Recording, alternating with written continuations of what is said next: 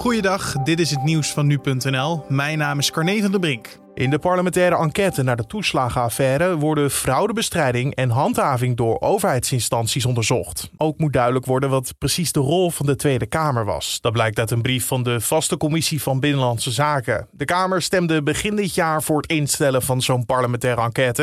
Het kabinet was toen net opgestapt vanwege deze hele affaire. Begin juli moet er een commissie komen die een onderzoeksvoorstel gaat opstellen. De gemeente van Amsterdam staat het horecazaken toe om op terrassen grote schermen te zetten. Hier kunnen ze dan EK-wedstrijden op uitzenden.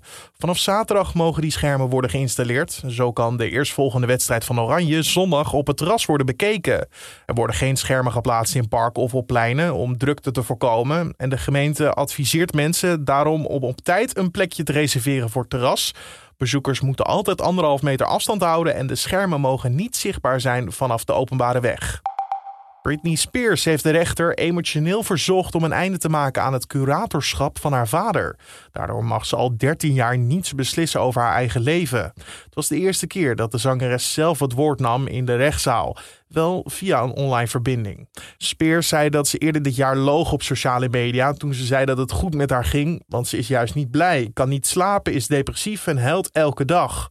De zangeres zei in de rechtbank dat het voelt alsof ze een slaaf is, omdat ze niet zelf mag bepalen wanneer ze op vakantie gaat of een optreden mag afzeggen als ze zich niet goed voelt. En de Belgische politie heeft een 99-jarige man opgepakt na de dood van zijn mede-verpleeghuisbewoner. Volgens Belgische media zou de bejaarde een 75-jarige man met een kussen verstikt hebben. Voor zover bekend gaat het om de oudste gevangene ooit in België.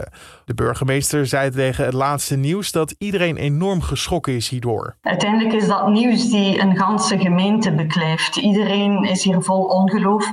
Het personeel, eh, de verpleegsters, de bewoners, eh, die zijn allemaal onthutst. Volgens de nabestaanden was de 75-jarige man waarschijnlijk een willekeurig slachtoffer omdat hij de verdachte niet kende.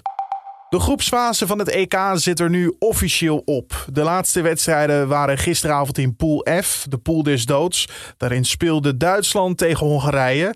Ja, en uh, de wedstrijd was enorm spannend. Duitsland kwam namelijk twee keer op achterstand. Adam Salai vraagt, daar gaat de bal naartoe en die kopt en die scoort.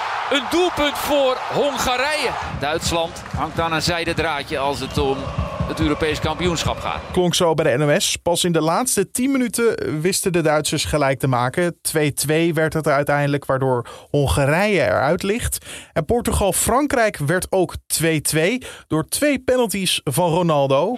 Ronaldo en daar is de 109e goal. En hiermee even naar Ronaldo het wereldrecord van het aantal interland goals.